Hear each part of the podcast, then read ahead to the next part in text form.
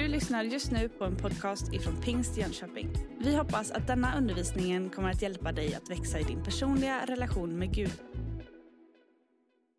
Jag och dottern har också varit på läger på Steningegården och jag kan ju sakna lite de där morgonsamlingarna med liksom intensiva rörelsesånger då man liksom riktigt fick komma igång på morgonen. Eh, Josefin Larsson, Anna-Kajsa Wallin, eh, iförda träningskläder, neonfärgade sådana, med benvärmare, fick igång oss ordentligt. Eh, jag utmanade faktiskt Anna-Kajsa att ha dem idag, men hon, hon avstod det. Eh, vi hade det riktigt bra, det här har ni hört redan, jag behöver inte säga mer från lägret, men vi gjorde eh, väldigt många bra saker. Eh, och jag tänker att vi har suttit en stund nu, om ni står upp så ska ni bara få vara med och säga en bibelvers som vi lärde oss. Det finns ju hur många som helst, men det här var en av dem och den är väldigt kort och den är väldigt bra. Och vi sa den väldigt många gånger också på lägret. Eh, om den här sektionen gör vi som vi gjorde på lägret och säger att ingenting är omöjligt. Ska vi öva en gång? Vi börjar. Ett, två, tre. Kanske några av er har listat ut vad ni ska säga. Ni har det lätt, ni ska säga två ord. För Gud. Vi kör hela på en gång då. Ett, två, tre. Ingenting är omöjligt. Ja. Och så gjorde vi en svårare variant också. Den var svår. Sista dagen. Ja. Nu ska vi lägga in en klapp emellan också. Då. Ingenting är omöjligt för Gud. Fixar ni den också? Ja, bra. Ett, två, tre. Ingenting är omöjligt för Gud. Ja, ni var inte riktigt med. En gång till. Ingenting är omöjligt för Gud. Varsågod och sitt. Jag har aldrig varit barnledare riktigt, men jag känner att jag kanske ändå skulle kunna hålla i det någon gång också faktiskt. Det var inte så svårt. Jag bara skämtar. Eh, Precis, jag jobbar ju annars med June folkhögskola och jag vill bara säga det att här i kyrkan har vi kurser dagligen när det är terminer. Eh, vi har Akademi för ledarskap och teologi, ALT, och vi har också svenska kurs för asylsökande. Och vi är så tacksamma för det, för det här samarbetet med kyrkan som vi har. Den 6 oktober firar June folkhögskola 40 år, hette tidigare Viebäcks folkhögskola. Och det kommer vi få göra här också tillsammans med er en söndag. Så den 6 oktober uppmärksammar vi det. Eh, välkomna till det. Passa på att säga det. Jag har en rubrik på, på predikan och den är Vad ska jag bli när jag blir stor? Och jag hörde liksom en suck hos er alla. Frågade man mig när jag var sex år gammal så skulle jag bli kommunalarbetare och köra åkgräsklippare varje dag. Eh, det där ändrade sig med tiden. Och eh, jag har jobbat på industri, jag har varit i affär, jag har varit i kyrka och skola, men jag har aldrig kört åkgräsklippare, så just den drömmen gick aldrig i uppfyllelse. Men rätt högt upp i åldrarna så säger vi faktiskt till varandra, eh, tycker jag i alla fall, jag vet inte riktigt vad jag ska bli när jag blir stor. Känner ni igen det? Och eh, ibland så är det ju mer än bara ett skämtsamt sätt att uttrycka sig, tror jag. Eh, för att vi funderar nog, alla då och då kan känna en viss vånda. Vad är min uppgift i livet egentligen? Vad passar jag bäst? Och så kanske vi är medvetna om att livet inte riktigt tog den där riktningen som man hade tänkt från början. Eh, du kanske inte fick det där jobbet du hoppades på. Kom inte in på den skola du hade önskat. Eh, du kanske hade önskat att bilda en familj men det blev inte så. Sjukdom kanske förändrade din situation. Ekonomin blev ett hinder. Ja, men du vet, det är så mycket som kan hända i livet. Och tanken återkommer, tror jag, för oss alla. Alltså, vad ska jag egentligen bli? Vad ska jag göra när jag blir stor? Och vad vill Gud egentligen med mitt liv? Och du vill ju inte gräva ner din talang din talent och din gåva. Du vill ju liksom använda den men så känner du kanske att men, omständigheterna gör att jag kan inte vara där nu, där jag tror att jag passar bäst. Den bibeltext vi ska läsa idag handlar inte om någon predikant, inte någon profet, inte någon, om någon apostel, utan det handlar om en kvinna som handlar med tyger. Och det är bra i min predikan idag, tänker jag, att det är just en sådan person.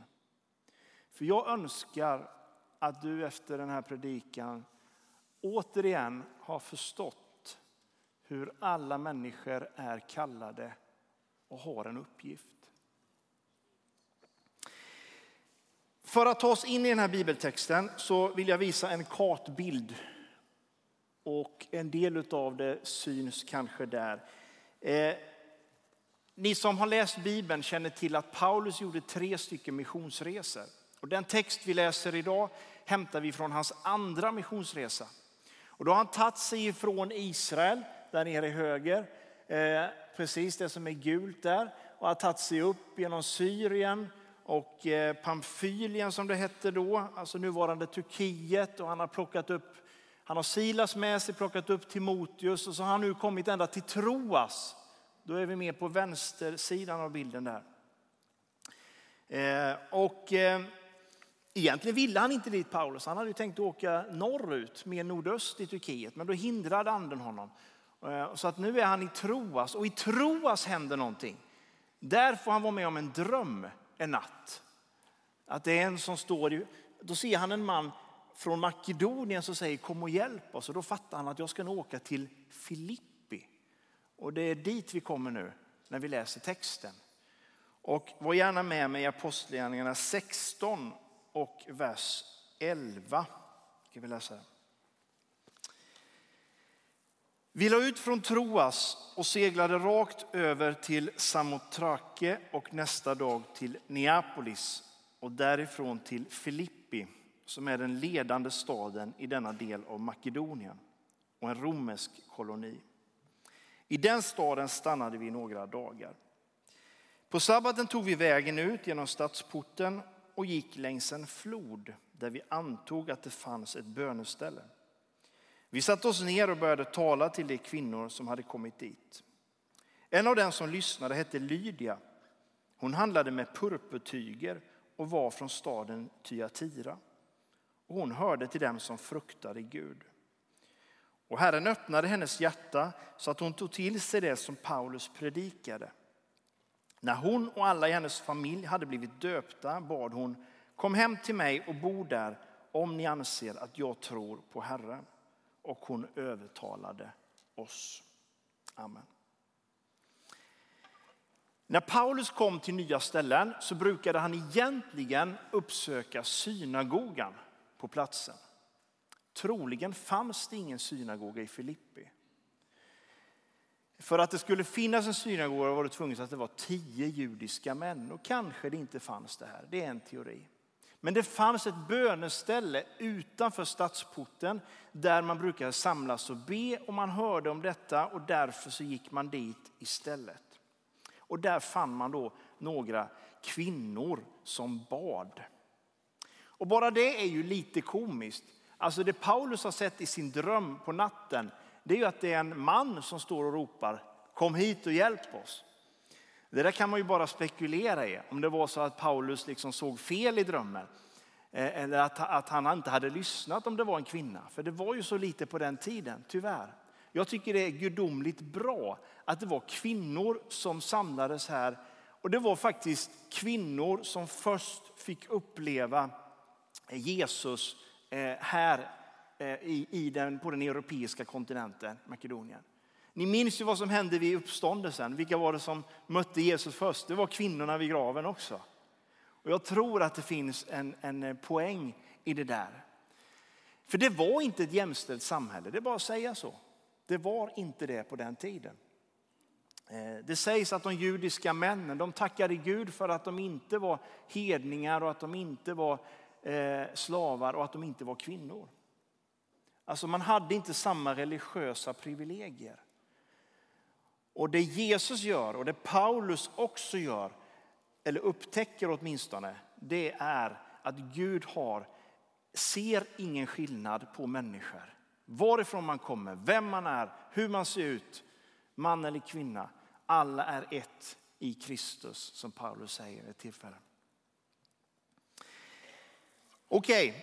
de kommer hit till bönestället och eh, Lydia är ju här då den kvinnan som omtalas och som blev kallad av Gud liksom, att börja följa Jesus.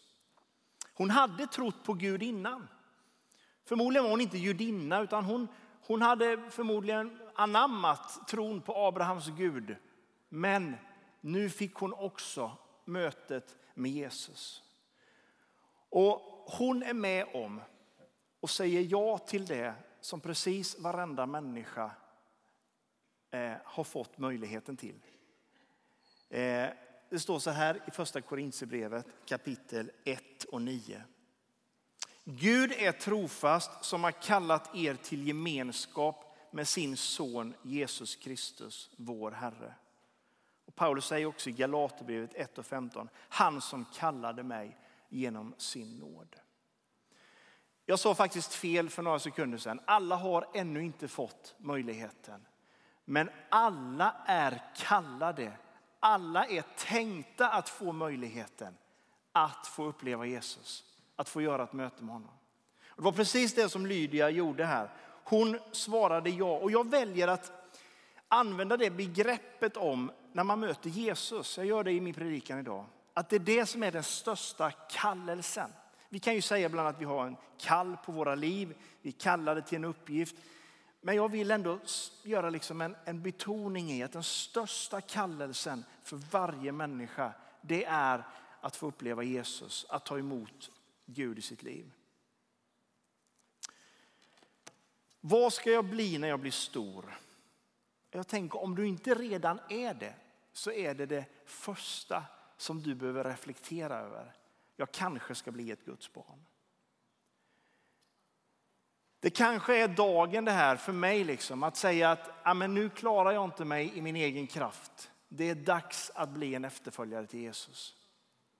Jag pratade med en på kyrktorget här innan som hade döpt sig igår och man blir ju så glad. Att få ge sitt liv till Jesus precis som Lydia gjorde här. Hon lät döpa sig, hon och hela hennes familj. Står det. Hur gick det till då när Lydia blev kristen? Ja, det vet vi väldigt lite om. Vi vet inte ens vad Paulus predikade om här och det kan man ju känna lite som predikant och teolog. Det är lite tråkigt att man inte får, veta det här utan man får bara ana sig till. Du vet när Paulus predikade så var det inte framförallt med vishet liksom och vältaliga ord, sa han ju själv. Jag tror att han var rätt vis också, vältalig. Men det var med kraft och det var övertygande. Det har man ju förstått när Paulus predikade. Och det här gjorde att Lydia eh, började tro. Jag kan tänka mig att Paulus hade en repris. Tror ni inte det? Ni vet resande predikanter som åker från olika ställen. Liksom. Det är klart att de inte kan ha nya predikningar hela tiden. Utan, ja. Det kan vara så att han har en, en version av den predikan han hade i Antiochia. Vi kan väl leka med tanken. I Antiochia på sin första missionsresa så kanske han, han hade uppdaterat den, den predikan lite. Ja, men då berättade han ju ifrån liksom början att det här är Abrahams Gud. Eh, Gud utvalde ett folk, Israels folk. Och så, eh, och så, så ville Israel ha en kung och så fick man det. Och så fick man eh, Saul och så fick man David. Och sen fick man löftet om att det skulle komma en av Davids ett, en Messias som skulle liksom uppfylla alla Guds löften. Och här är han nu, tror jag Paulus sa. Mitt ibland er. Och samtidigt som han är i himlen. Han är uppstånden från de döda. Ni har möjlighet att lära känna Jesus, att lära känna Gud på ett helt nytt sätt. Och detta övertygade Lydia. Och Lydia sa, jag vill bli en kristen. Jag vill börja följa Jesus. Och så lät hon döpa sig. Så kan det ha gått till.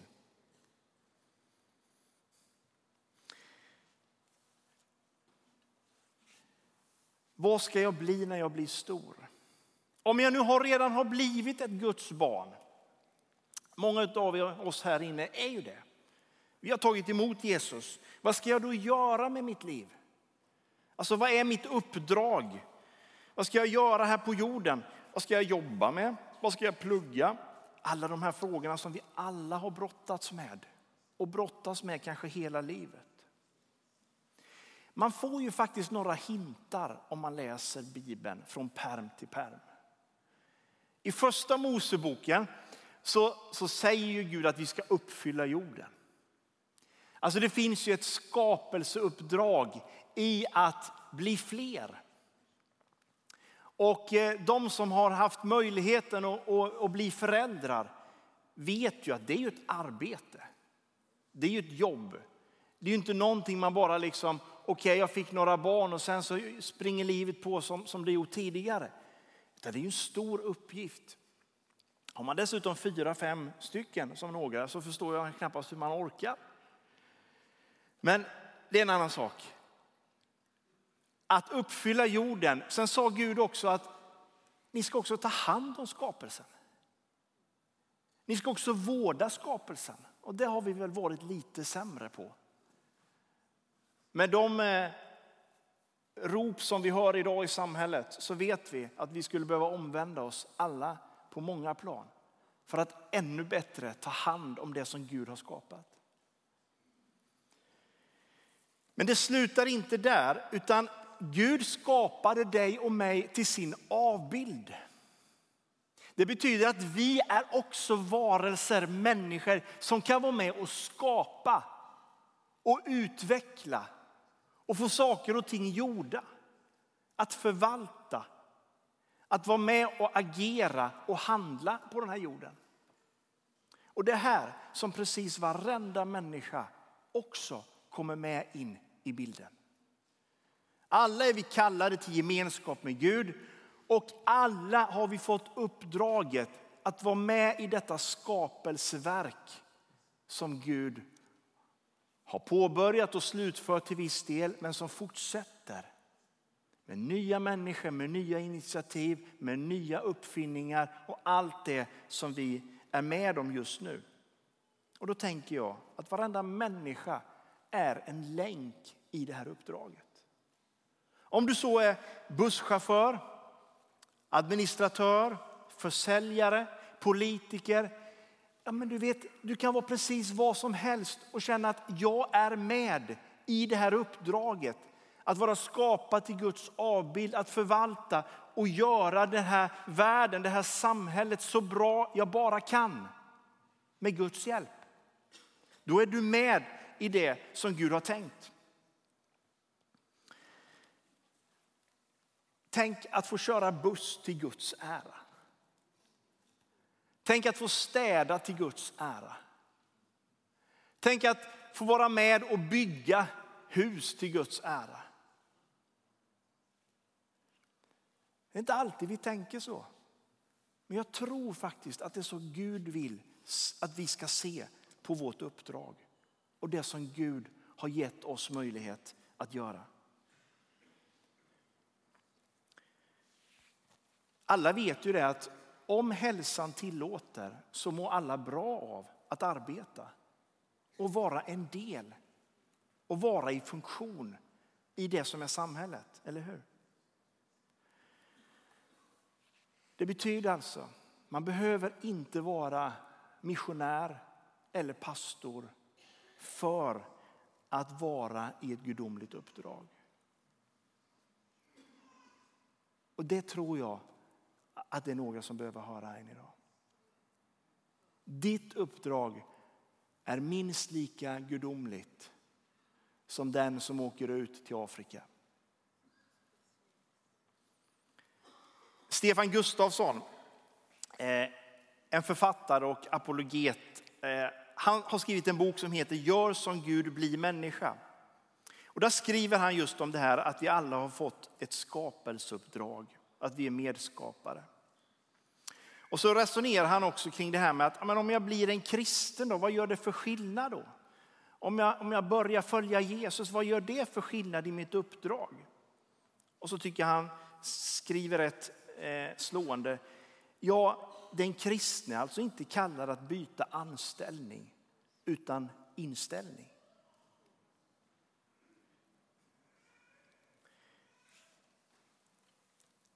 Att du gör det du gör till Guds ära det är ett rätt viktigt fokus när inte allt känns så bra på jobbet. När det tar mer kraft än ger energi. Eh, när kollegorna inte är de du hade önskat och så vidare. Veta det att du ändå gör ditt jobb till Guds ära.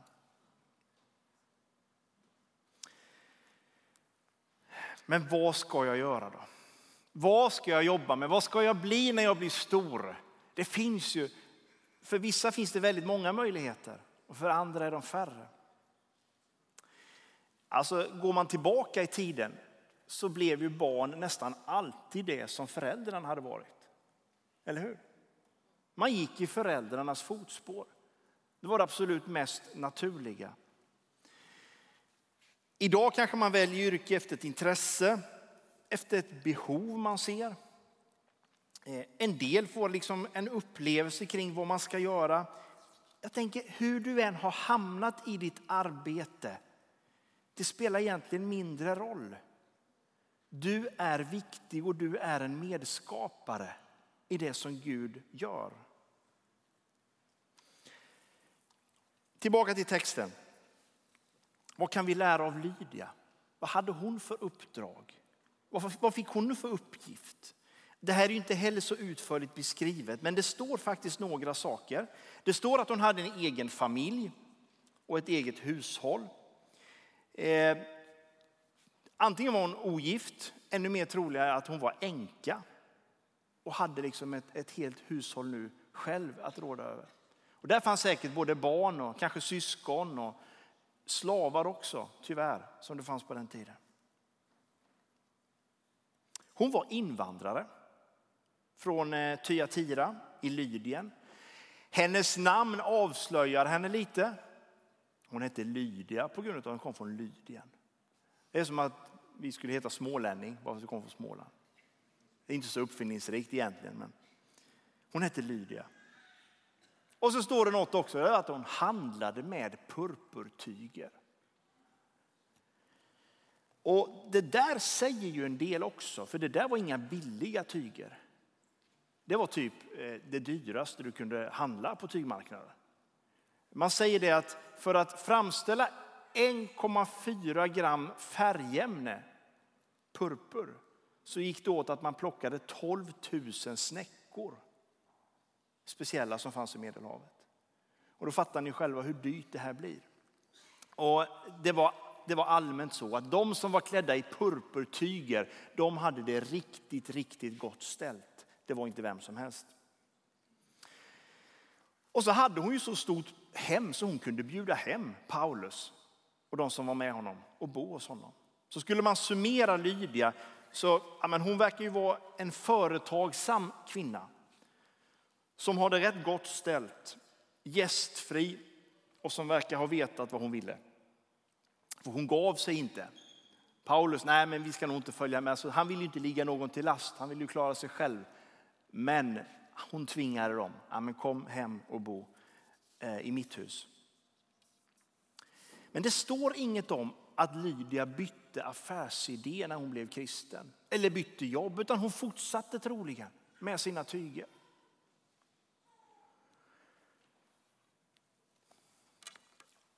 Men det som också hände när Lydia tog emot Jesus, och det märker man i texten faktiskt, det är att hon blev en del av det vi ibland kallar missionsuppdraget. Alltså någonstans så, så klack det nog till för Lydia. Det är ju faktiskt så att Jesus är för alla.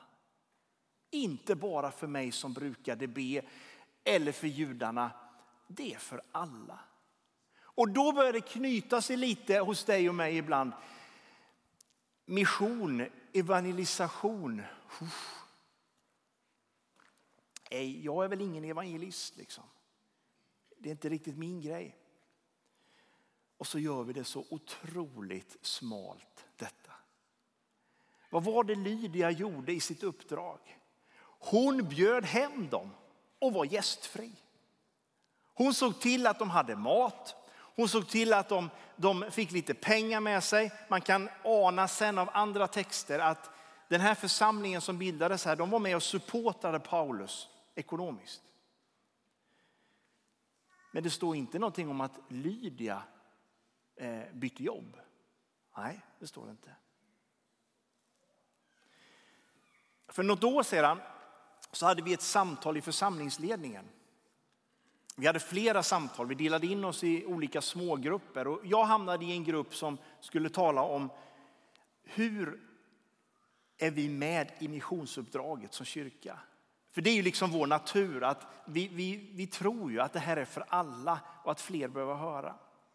Och så gick vi laget runt i den här lilla gruppen och så frågade vi, när känner du att du sist var med och liksom tog Jesus vidare på något sätt till någon annan? Ja, då berättade någon, ja, jag kände nog att jag var med om det när jag fick förbereda en konsert i kyrkan. Någon annan sa att ja, jag var med i en eh, hjälpinsats nere i Europa. Eh, då kände jag det nyligen. Någon annan sa ja, senast var nog när jag eh, bad aftonbön med mina barn igår. Och en annan sa att ja, i helgen som gick så, så fick jag sitta och prata med ett par muslimer runt köksbordet hemma. Och då märker man hur stort det här uppdraget är och hur brett det är.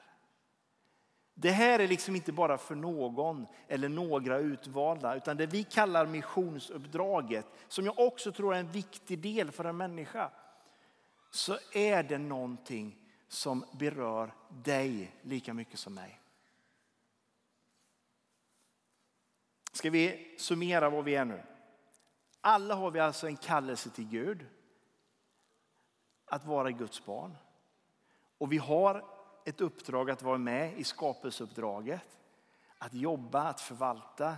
Och vi har också en uppgift att vara med i missionsuppdraget. Ja, men det tror jag. Det här är ju bara ett sätt liksom att försöka tänka lite kring det. Ni förstår det va? Det här står inte exakt så här i Bibeln. Men så kan man ändå tolka det. Ehm. Och då säger du kanske, ja, men vad ska jag egentligen bli när jag blir stor?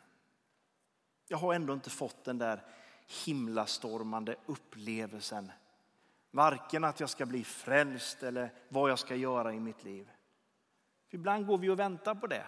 Liksom att det ska vara eldskrift på väggen och vi ska känna att yes, nu vet jag vilken utbildning det är. Eh, helt säker. Det är inte säkert att du får den himlastormande upplevelsen.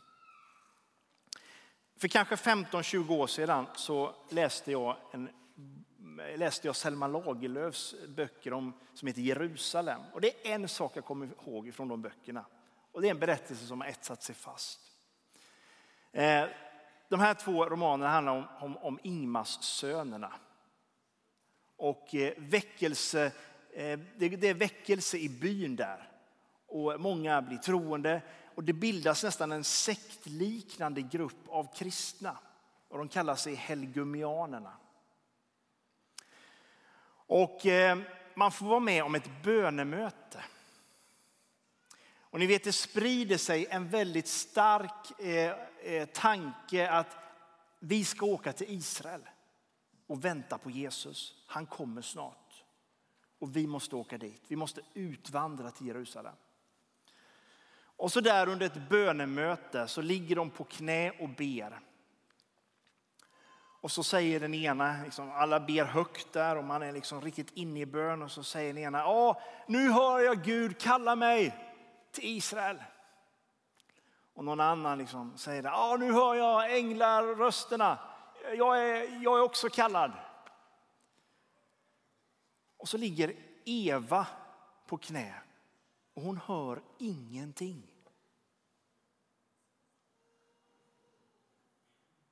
Och så säger hon till ledaren, jag måste få följa med.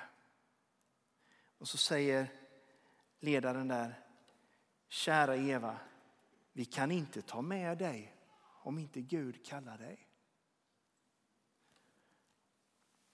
Och hon reser sig därifrån och går i vrede och säger att jag vill aldrig mer veta av er. Och då undrar ni, har du varit med på ett sånt bönemöte? Nej, det har jag faktiskt aldrig varit. Men det som jag tänker på när jag läser detta, det är att Eva kanske var den klokaste av alla i den här bönesamlingen.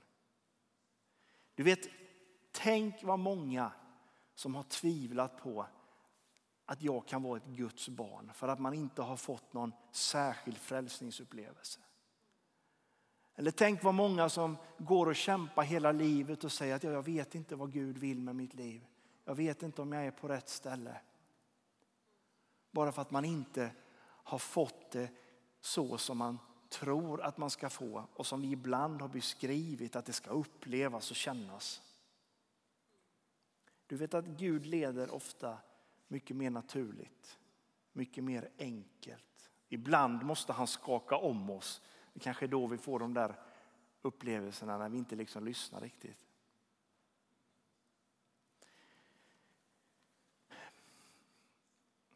Jag tänker att det gör någonting med oss om vi upplever och är med på att vi har ett gudomligt uppdrag.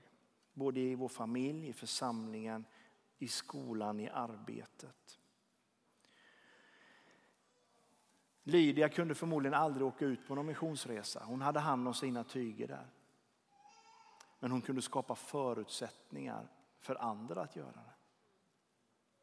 Och så kan vi fortsätta sen att läsa om församlingen i Filippi, hur den växer på grund av att Lydia bara började med att ta emot Jesus i sitt liv. Och sen hände det olika saker. Jag ska avsluta med att säga något om en Lydia som levde på 1900-talet. Som hade en gåva att skriva sånger. Och vi ska alldeles strax sjunga en sång av henne, så ni kan ju komma fram, eh, musiker och sångare. Eh, en del av er känner till henne, Lydia Littell, eh, föddes 1909. Hon skrev ungefär 300 sånger i sitt liv, inte dåligt. Och ändå så blev hon bara 48 år gammal.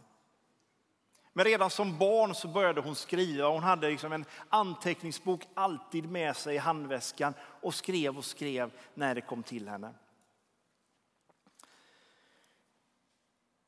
Men sen redan i 40-årsåldern så eh, blev hon sjuk i cancer.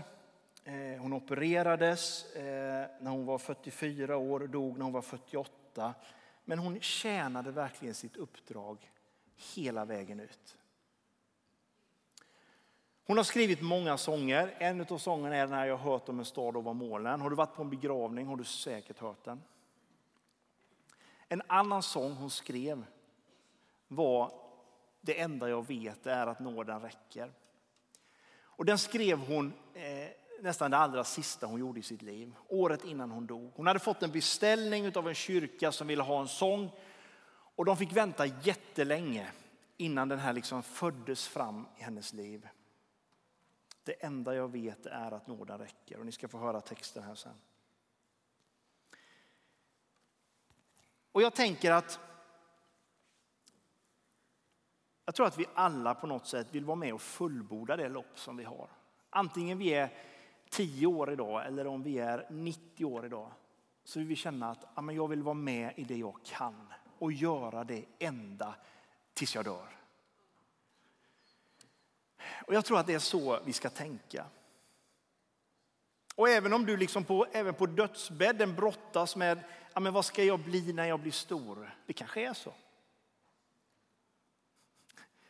Och då, då fick jag ett bibelord i huvudet. Eh, första Johannes, kan ta fram det också, eh, 3 och 1. Då säger Johannes så här. Mina älskade, vi är nu Guds barn och vad vi skall bli är ännu inte uppenbart. Men vi vet att när han uppenbaras kommer vi att bli lika honom, ty då får vi se honom sådan han är. Alltså det där är ett hopp och en tröst för oss alla, att det här livet är inte allt. En del av oss får leva med vissa begränsningar. Allt kommer inte i full blom här. Det finns en dimension till av vad du och jag ska bli. Det här är bara början. Och att leva med det, att vara i det, tror jag är en förutsättning för att vi också ska orka. Och till dig som tänker att, jag undrar om, mitt, om jag lyckas fullborda mitt lopp. Liksom. Undrar om jag känner att jag gör verkligen det jag ska och det jag kan göra. Jag tror att du kan sluta och kämpa och eh, lägga dig i Guds händer idag. För det finns en som är en mästare på att fullborda. Det står att han fullbordade sitt skapelseverk. Han säger på korset, det är fullbordat. Och han skriver till församlingen i Filippi, där Lydia var den första att bli, Jesus, att bli Jesus troende. Då skriver Paulus, han som har börjat ett gott verk i er, han ska också fullborda det in till Kristi Jesu dag. Jag skulle vilja, och jag tror att det ligger på Guds hjärta, släpp lite krampen över ditt eget liv och exakt vad som ska hända imorgon eller om fem år eller om tio år. Gud har det i sin hand.